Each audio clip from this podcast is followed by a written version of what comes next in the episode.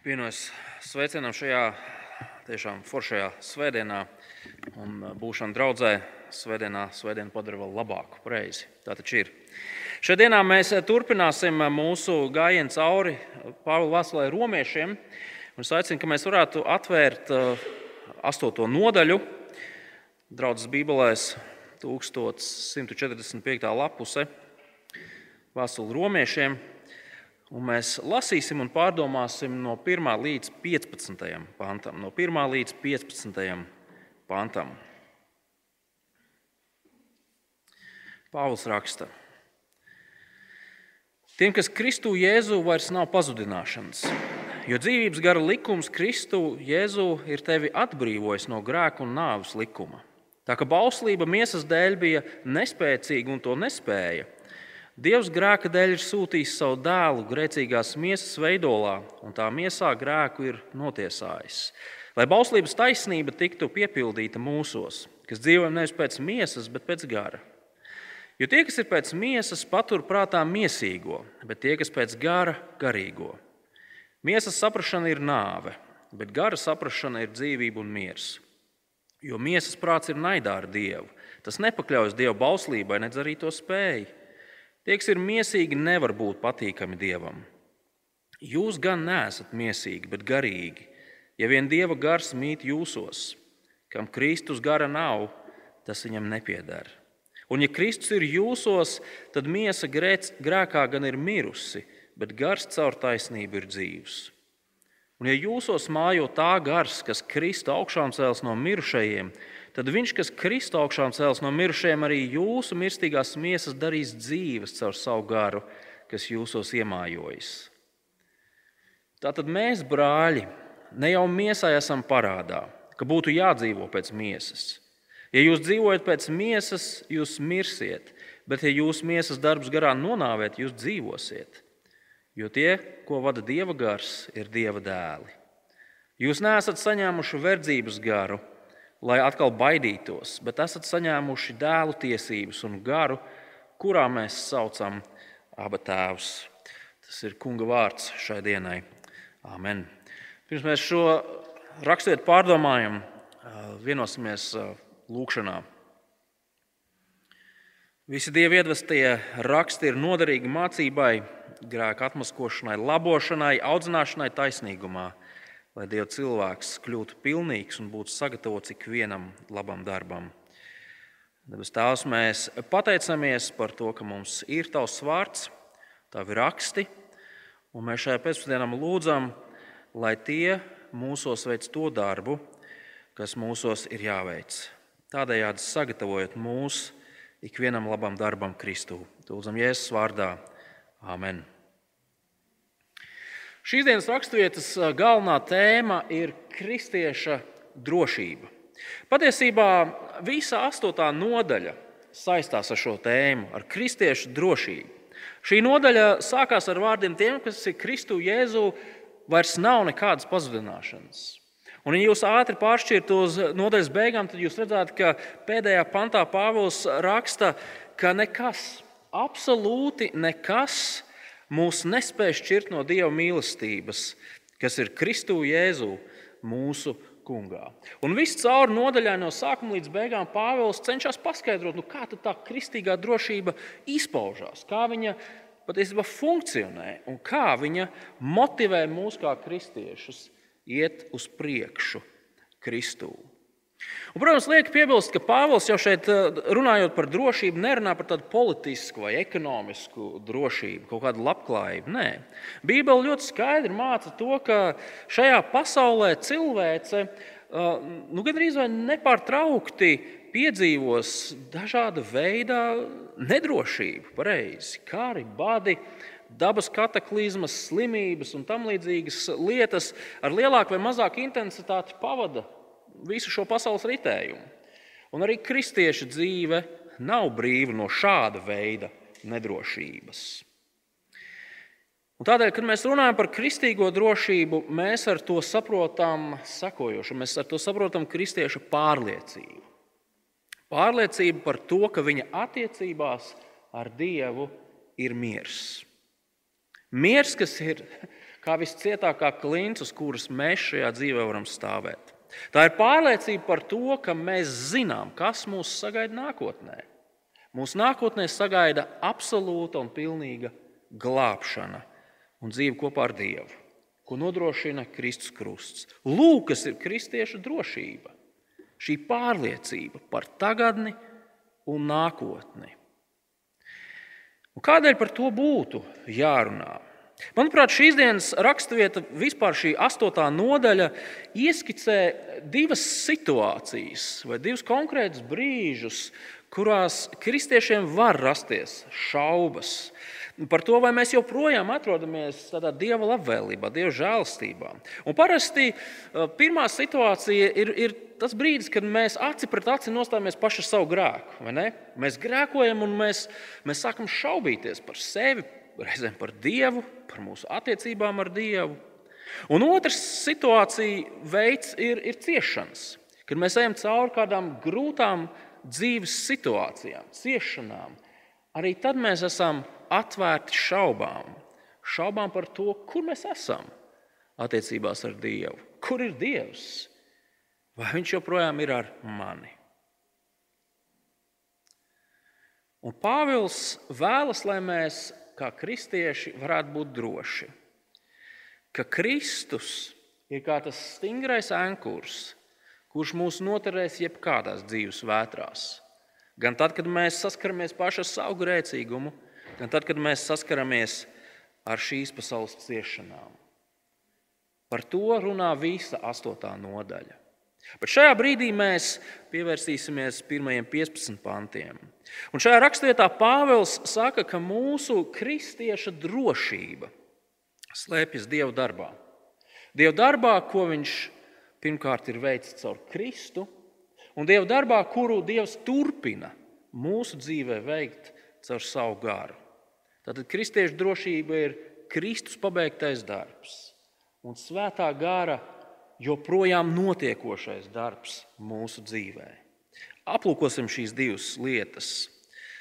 Pauls saka, tiem, kas ir Kristu Jēzū, vairs nav pazudināšanas. Vārds pazudināšana ir pretstats vārdam attaisnošana. Pirmo reizi vēstulē mēs vārdu pazudināšanu redzējām 5. nodaļā.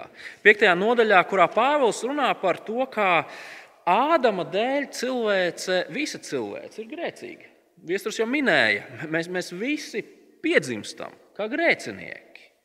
Mēs pēc dabas esam ļaunas būtnes, kas saceļās pret savu radītāju, kungu dievu kuri pārkāpja viņa labo likumu. Un sots par šo pārkāpumu, taisnīgais sots, ir pazudināšana. Taisnība to pieprasa. Skatieties, 4. pāntā Pāvils saka, ka bauslības taisnībai ir, ir jātiek piepildītai. Tā ir svarīga patiesība. Dievs neapslēpj grēku, Dievs neignorē viņu. Dievs viņu kaut kā nesaka, nu, gan jau, gan jau. Nē, Ja Dievs ignorētu mūsu grēku, ziniet, kāds tas Dievs būtu, viņš būtu netaisnīgs, viņš būtu vājš, viņš būtu neparedzējams. Viņš nebūtu labs Dievs. Taču tagad tiem, kas ir Kristū, vairs nav nekādas pazudināšanas. Lielais jautājums ir, kā tas ir iespējams? Kā tas ir iespējams, ka mums vairs nav pazudināšanas? Tas ir iespējams tādēļ, ka Kristus šo taisnīgo prasību izpilda mūsu vietā. Mēs varam teikt, Kristus tiek pazudināts, lai mums nebūtu jāpazudina. Tā vietā, lai mūs varētu attaisnot. Izlasīsim no 2. pānta līdz 4. Vēlreiz. Jo dzīvības gara likums Kristū Jēzu ir tevi atbrīvojis no grēka un nāves likuma. Tā kā, tā kā bauslība miesas dēļ bija nespēcīga un to nespēja, Dievs grēka dēļ ir sūtījis savu dēlu grēcīgās miesas veidolā, un tā miesā, un tā miesā grēku ir notiesājis, lai bauslības taisnība tiktu piepildīta mūsos, kas dzīvojam nevis pēc miesas, bet pēc gara. Um, Šis ir tāds garš teikums, un, un manuprāt, ir viegli apmaldīties tā tehniskajā skanējumā. Izklausās pēc tāda jurista definējuma, ko neviens cits, izņemot pašu juristu, nevar saprast. Bet Pāvils šajā, šajā garajā teikumā izsaka sekojošo domu. Tiem, kas ir Kristu Jēzu, tiem vairs nav nekādas pazudināšanas, jo mēs esam atbrīvoti no grēku un nāves likuma. Kāpēc? Jo Dievs mūsu labā izdarīja kaut ko tādu, ko mēs paši nekad nespētu izdarīt. Proti, Viņš sūtīja savu dēlu, kurš tika notiesāts par mūsu grēkiem. Es paskaidrošu pāris frāzes, kas šajā, šajos pantos varbūt liekas neskaidrs. Pirmā frāze - grēka un nāves likums. Ar to Pāvils domā Mūzes bauslību, Mūzum doto bauslību. Tajā brīdī, kad mūsu grēcinieka dzīvē blakus noliek dieva likumu, Mūzes bauslību, ko tas izdara? Tas parāda to, ka mēs esam grēcinieki. Pareiz, tas ir tāds prožektors, kas izgaismo to, kādi mēs esam. Un pasludina, tu esi vainīgs. Tu esi pelnījis sodu. Un sots par tavu nodarījumu ir nāve. Savukārt, dzīvības gara likums norāda uz izmaiņām, kuras Dievs veids cilvēkā, kurš tic Kristu. Kristum. Kristiešu sirds ir mainīta, un tagad tā ar prieku vēlas pildīt to, ko Dieva likums pieprasa. Bet tas svarīgais šajos pantos ir ieraudzīt to, ka tas ir iespējams tikai un vienīgi tādēļ, ka Dievs izdara kaut ko negaidītu. Viņš šajā pasaulē, parasta cilvēka veidolā, sūta savu dēlu. Mums ir svarīgi saprast, ka šie vārdi nenozīmē to, ka Jēzus kļūst grēcīgs vai ne tā, tāds pats kā mēs visi. To tas nenozīmē. Bet tas nozīmē, ka visādi citādi Jēzus kļuva par tādu pašu kā mēs, par cilvēku. Par cilvēku, kurš gribēja ēst, gulēt, kurš nogura, kurš smējās, kurš raudāja. Par tādu pašu kā mēs. Jēzus kļuva par reālu īstu cilvēku ar vienu mērķi, lai viņu notiesātu mūsu grēka dēļ. Un tā Pāvils saka, tiem, kas Kristū vairs nav nekādas pazudināšanas. Kāpēc? Tāpēc, ka viņš nomira, lai mums nebūtu jāmirst. Viņš tika pazudināts, lai mūs varētu attaisnot. Es nezinu, vai jūs kādreiz esat piedzīvojuši to, ka kāds samaksā jūsu rēķinu. Tie vienmēr ir forši brīži, pareizi. Es atceros, kā studiju gados, pieņem lielākā daļa studentu visu laiku staigā tādā pusbadā. Man ļoti patika tās reizes, kad kāds uzaicināja uz pusdienām, sakot, es par tevi samaksāšu. Un skaidrs, ka naudas nav tādas siltas pusdienas, tā kā lielākā dieva dāvana nedēļā. Pareizi. Kāds jūsu vietā samaksā rēķinu? Un reizēm tas ir nenovērtējami. Mums, kristiešiem, vairs nav nekādas pazudināšanas. Jo par mūsu grēku, mūsu pārkāpumu kāds ir samaksājis. Dievs no mums nekādu maksu vairs neprasa un neprasīs. Jautājumā par mūsu attaisnošanu tur nav kaut kādi soda procenti, ko mēs varam nokavēt. Tur nav kaut kādi mazie burtiņi, kur izrādās vēl kaut kāda um, komisijas maksa jāmaksā. Nekā tāda vairs nav. Par visu ir samaksāts. Mūsu grēku parāds ir pilnībā dzēsts, un tieši tāpēc mums vairs nav nekādas pazudināšanas. Pāvils saka, lai bauslības taisnība tiktu piepildīta mūsos, kas dzīvojam nevis pēc miesas, bet pēc gara. Kristus krusta veikums piepilda Dieva taisnīgās bauslības prasību. Punkts. Draugi, ziniet, ko tas nozīmē? Tas nozīmē, ka nākamreiz, kad jūs saprotat, ka jūs esat grēkojuši. Ka jūs saprotat, ka jūs atkal vai simto reizi esat darījuši vienu un to pašu muļķīgo lietu, kas ir pret Dievu prātu. Jūs varat apstāties un padomāt. Padomāt par sakojošo. Ja es esmu izdarījis grēku, tas ir nopietni. Tas ir pārkāpums pret manu kungu un dievu, pret manu glābēju. Tas nav labi, tas nav pareizi. Tā ir patiesība. Taču šis grēks, ko es esmu izdarījis, man vairs nepazudina. Jēzus krusta nāve man ir attaisnojusi un dāvājusi brīvību no pazudināšanas. Tie ir vārdi, tā ir patiesība, ko jums un arī man sev ir jāsaka ik reiz, kad es grēkoju. Skaudība, meli, egoistiski strīdi, ļauni nodomi, aprunāšana, neveselīga tarkšķēšana, sava labuma meklēšana, lielība, blēdīšanās, uzpūtība, neusticība, neticība, ieraduma grēki, pornogrāfija, pārlieku liela alkohola lietošana, azartspēles, dusmas, nespējas savaldīties. Draugi, tās ir tikai dažas lietas, kas piepilda mūsu nedēļu pareizi. Šie tikai daži grēki, kas raksturo ne jau visus un vienmēr, bet kristieši nav brīvi no šīm lietām. Bet tiem, kas ir Kristū Jēzū, vairs nav nekādas pazudināšanas.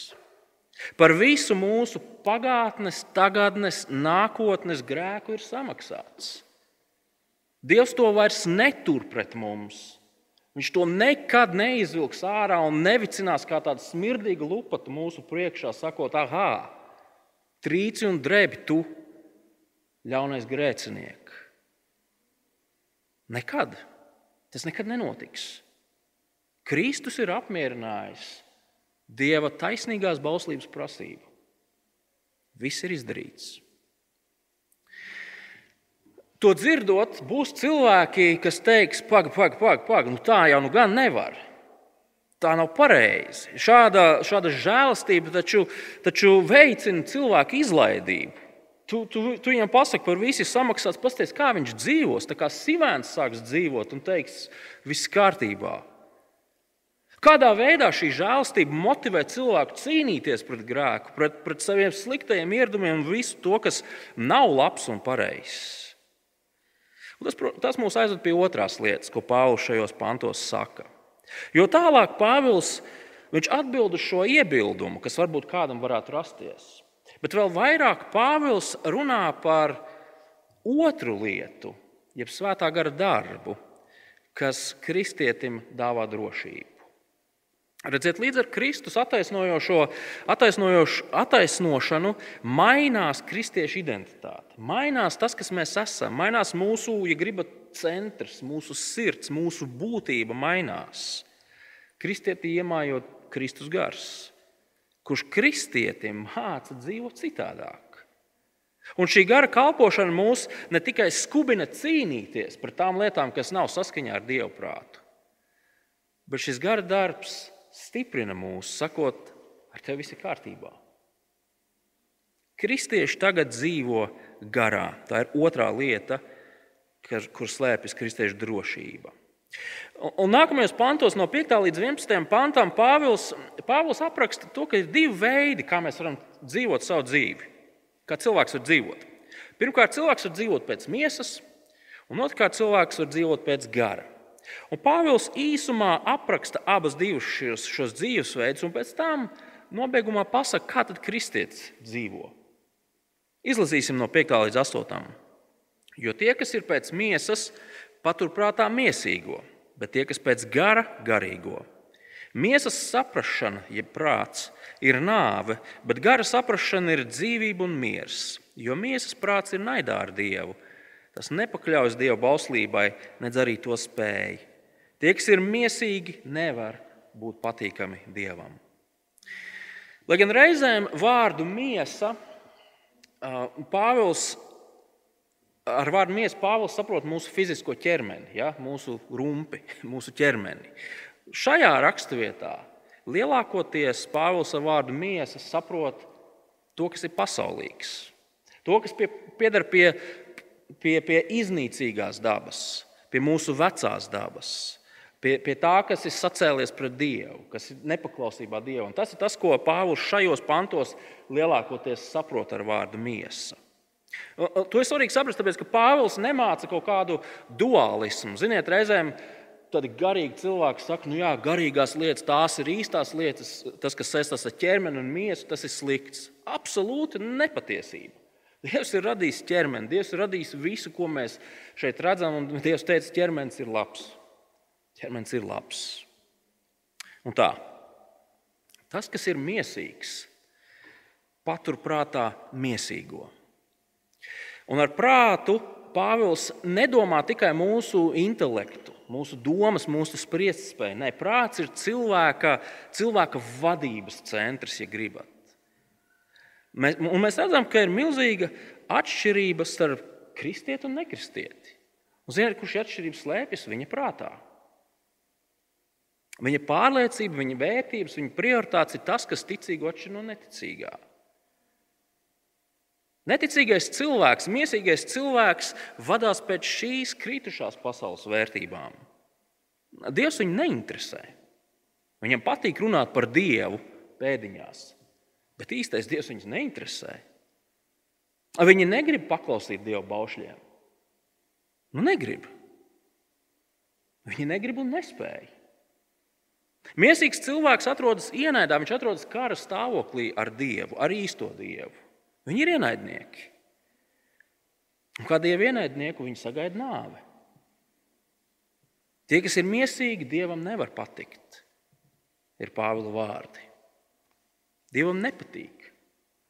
Miesīgi cilvēki, pasaulīgi cilvēki. Un tad ir otra cilvēku grupa. Ja nevis otra cilvēka grupa, bet otrs dzīvesveids.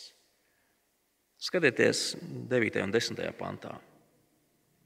Jūs gan neesat mīsīgi, bet garīgi. Jo vien dieva gars, ja vien dieva gars mīt jūsos, kam Kristus gara nav, tas viņam nepiedara. Un ja Kristus ir jūsos, tad miesa grēkā gan ir mirusi, bet gars caur taisnību ir dzīves. Grieķu valodā 9. pants sākas ar taču. Un Pāvils saka, taču jūs, romieši, jūs, Romas kristieši, jūs neesat miesīgi, jūs neesat pasaulīgi bezdievi, jūs esat garīgi. Un arī šajā gadījumā vārds garīgs nenozīmē kaut ko ēterisku, kaut ko tādu, tu lidinies virs, virs zemes, kaut kādā tādā nenosakāmā formā. Nē, nē. Būt garīgam nozīmē būt par cilvēku, kurā dzīvo dieva gars. Svētais gars. Un svētais gars ir to, cik vienam cilvēkam, kurš tic Kristum, kurš paļaujas uz Kristus krusta nāvi. Šajā brīdī ir viena svarīga piebilde, jo reizēm būs kristieši, iespējams, neko sliktu nevēloši kristieši, kuri, kuri uzskata, ka, ka visi kristieši sadalās tādās divās kategorijās. Kristieši, kuriem ir gars, un kristiešiem, kuriem gara nav. Vai kristieši, kuriem gars strādā tā jaudīgi, un tad ir tie kristieši, kuros gars nu, tā, tā kā, nu, kaut kā tā nepārāk. Draugi, Bībele nekādu šādu sadalījumu nemāca. Jā, Bībelē mēs varam lasīt par to, ka ir nobrieduši kristieši.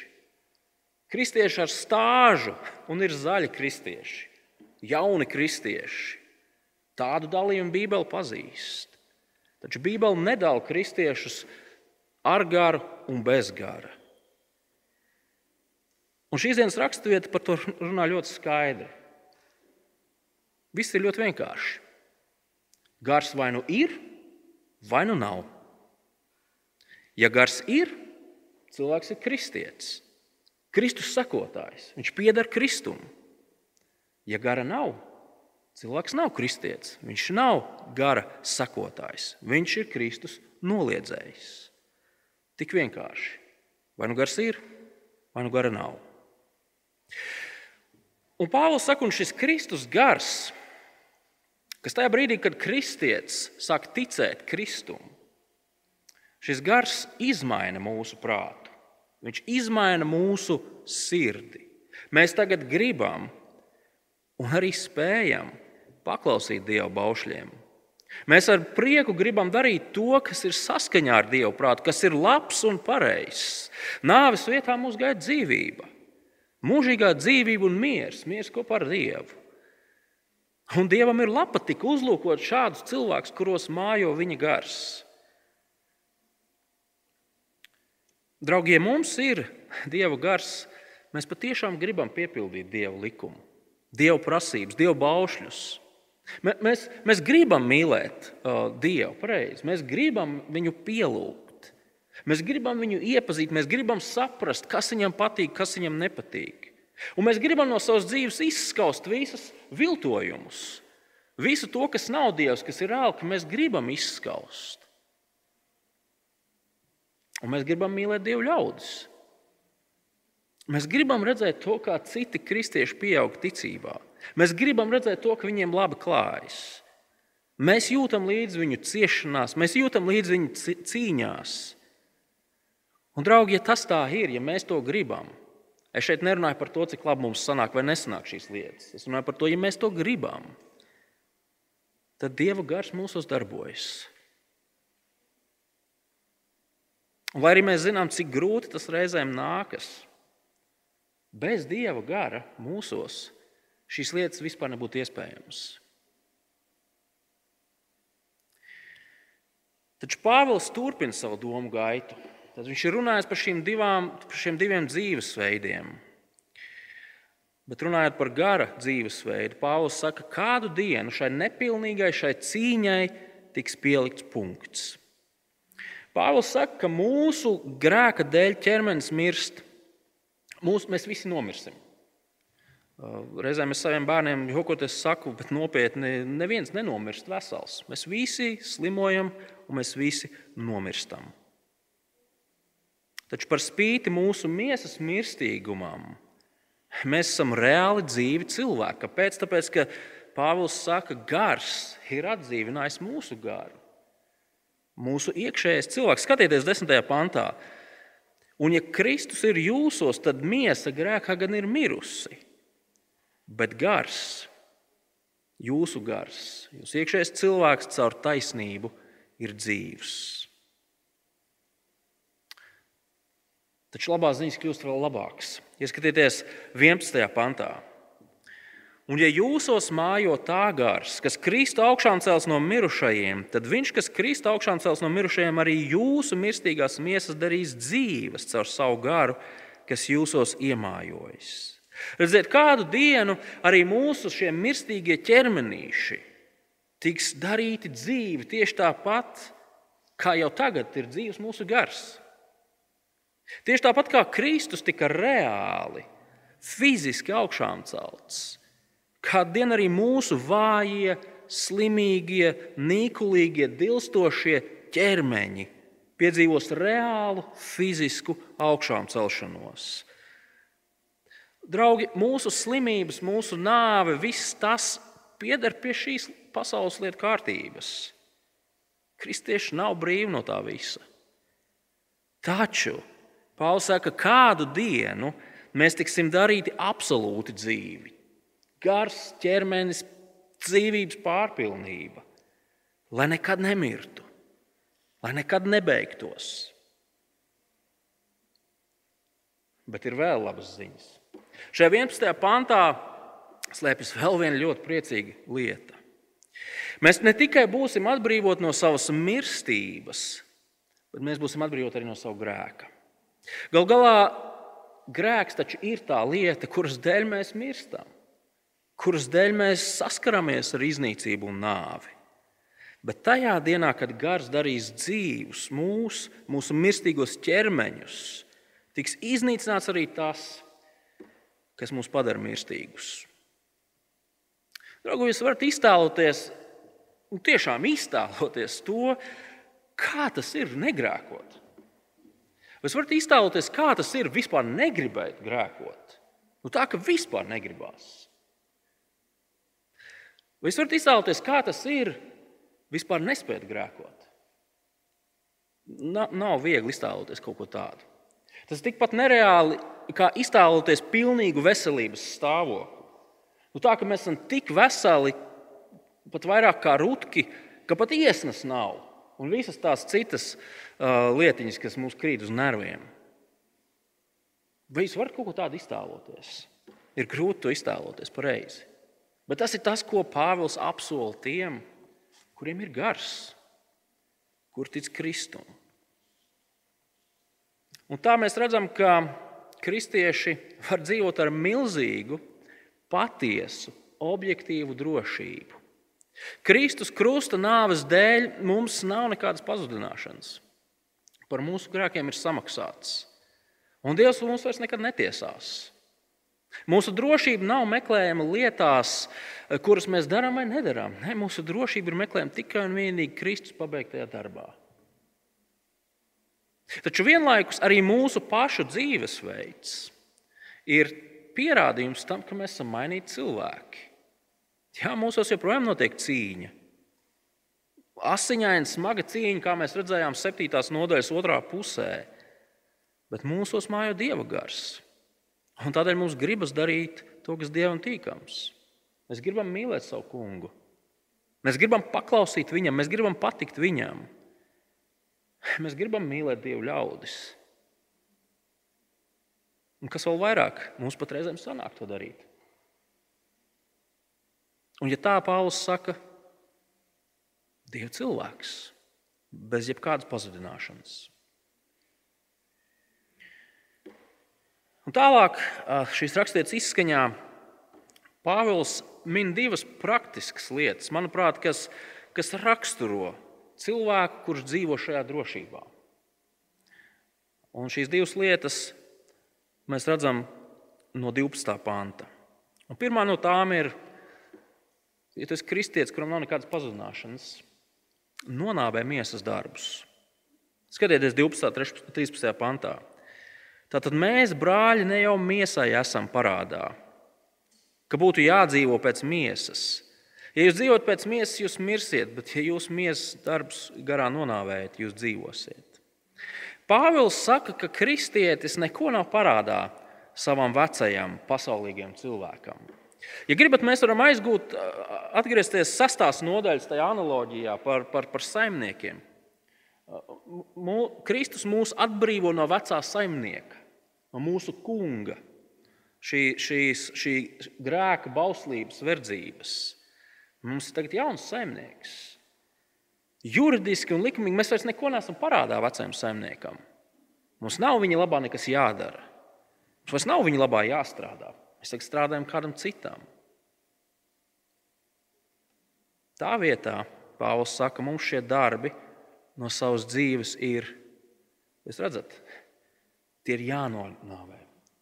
Tie ir, tie ir jāizkauj. Pāvila valoda ir ļoti skaidra, ļoti tieša, ļoti absolūti radikāla, ne pa labi, ne pa kreisi. Nokaut nozīmē nokaut, laupīt dzīvību. Es atceros tās pāris reizes, kad es eh, zivju bodā esmu iegādājies dzīvu eh, karpu, um, brauc mājās, un, protams, pirms cepšanas ir labi to, to zivi. Nu, Pār, lai viņi pārstāj sprināties, pārstāj būt dzīva.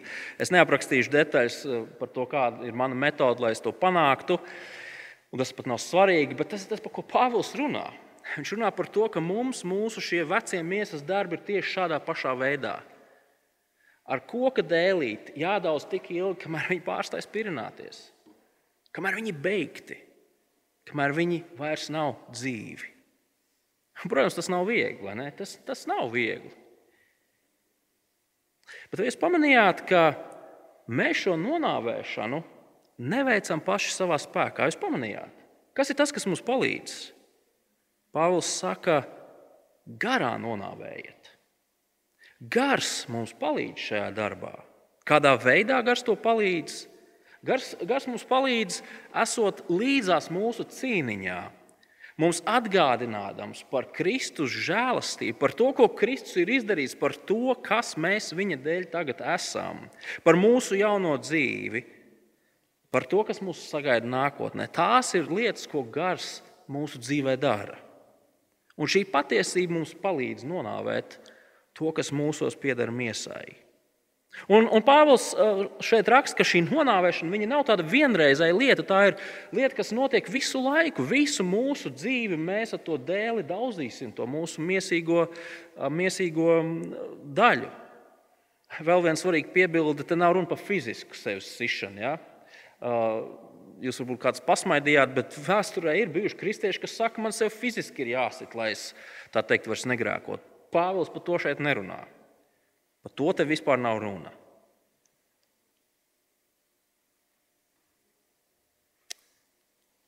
Kas ir tās cīņas, kurās jūs šodien esat ierauti? Kas ir tie grēki, kas šobrīd jūsu dzīvē izbāž savu neglīto galvu? Mums katram ir kaut kas cits pareizi, bet mēs visi varam zināt vienu lietu. Ja mēs cīnāmies, mēs varam būt droši par to, ka to darām tādēļ, ka Dieva gars ir ar mums. Un mēs varam būt droši, ja gars ir ar mums, tad mēs esam Kristus sekotāji.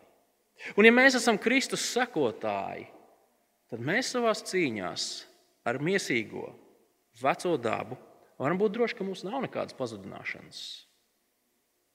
Protams, šai patiesībai ir, ir tā kā reverss, otra puse.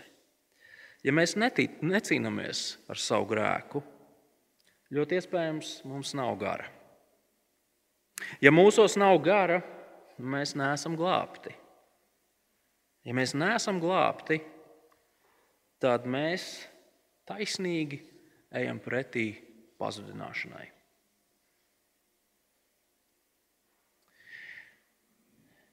Un tagad šīs patiesības apbruņoti, šo, šo vārdu apbruņoti, mēs esam aicināti vest nopietnu cīņu. Cīņu par to, lai savā domās, savos vārdos, savos darbos, savā attieksmē, savā sajūtās mēs dzīvotu tā, lai tas būtu tīkam Dievam. Un tīkam Dievam nozīmē saskaņā ar Viņa vārdu, ar to, ko Viņš ir atklājis. Tas ir mūsu galvenais atskaites punkts. Un tā ir cīņa uz nāvi. Par grēku ir jāizturas nopietni. Um, tur nav nekādas auklēšanās, tur nav nekādas ļurināšanās, tur nav nekādas flirtēšanas, tur nav nekādas pārbaudīsim robežas, cik tālu mēs varam aiziet, nepārkāpjot. Mēs, mēs, mēs, mēs kā kristieši mēs nevaram teikt, ah, nu, kā, nu, mēs taču visi, mēs visi esam cilvēki. Mēs visi esam cilvēki, nu, kuram tad negadās? Nē, mēs esam kristieši. Mēs esam kristieši. Mēs esam dievu cilvēki. Taču mēs cīnāmies kā cilvēki, kuru šo cīņu veids nevis savā spēkā, lai kaut ko Dievu priekšā izpelnītos. Mēs šo cīņu veicam kā cilvēki, kuriem nav nekādas pazudināšanas, kuri nevar zaudēt.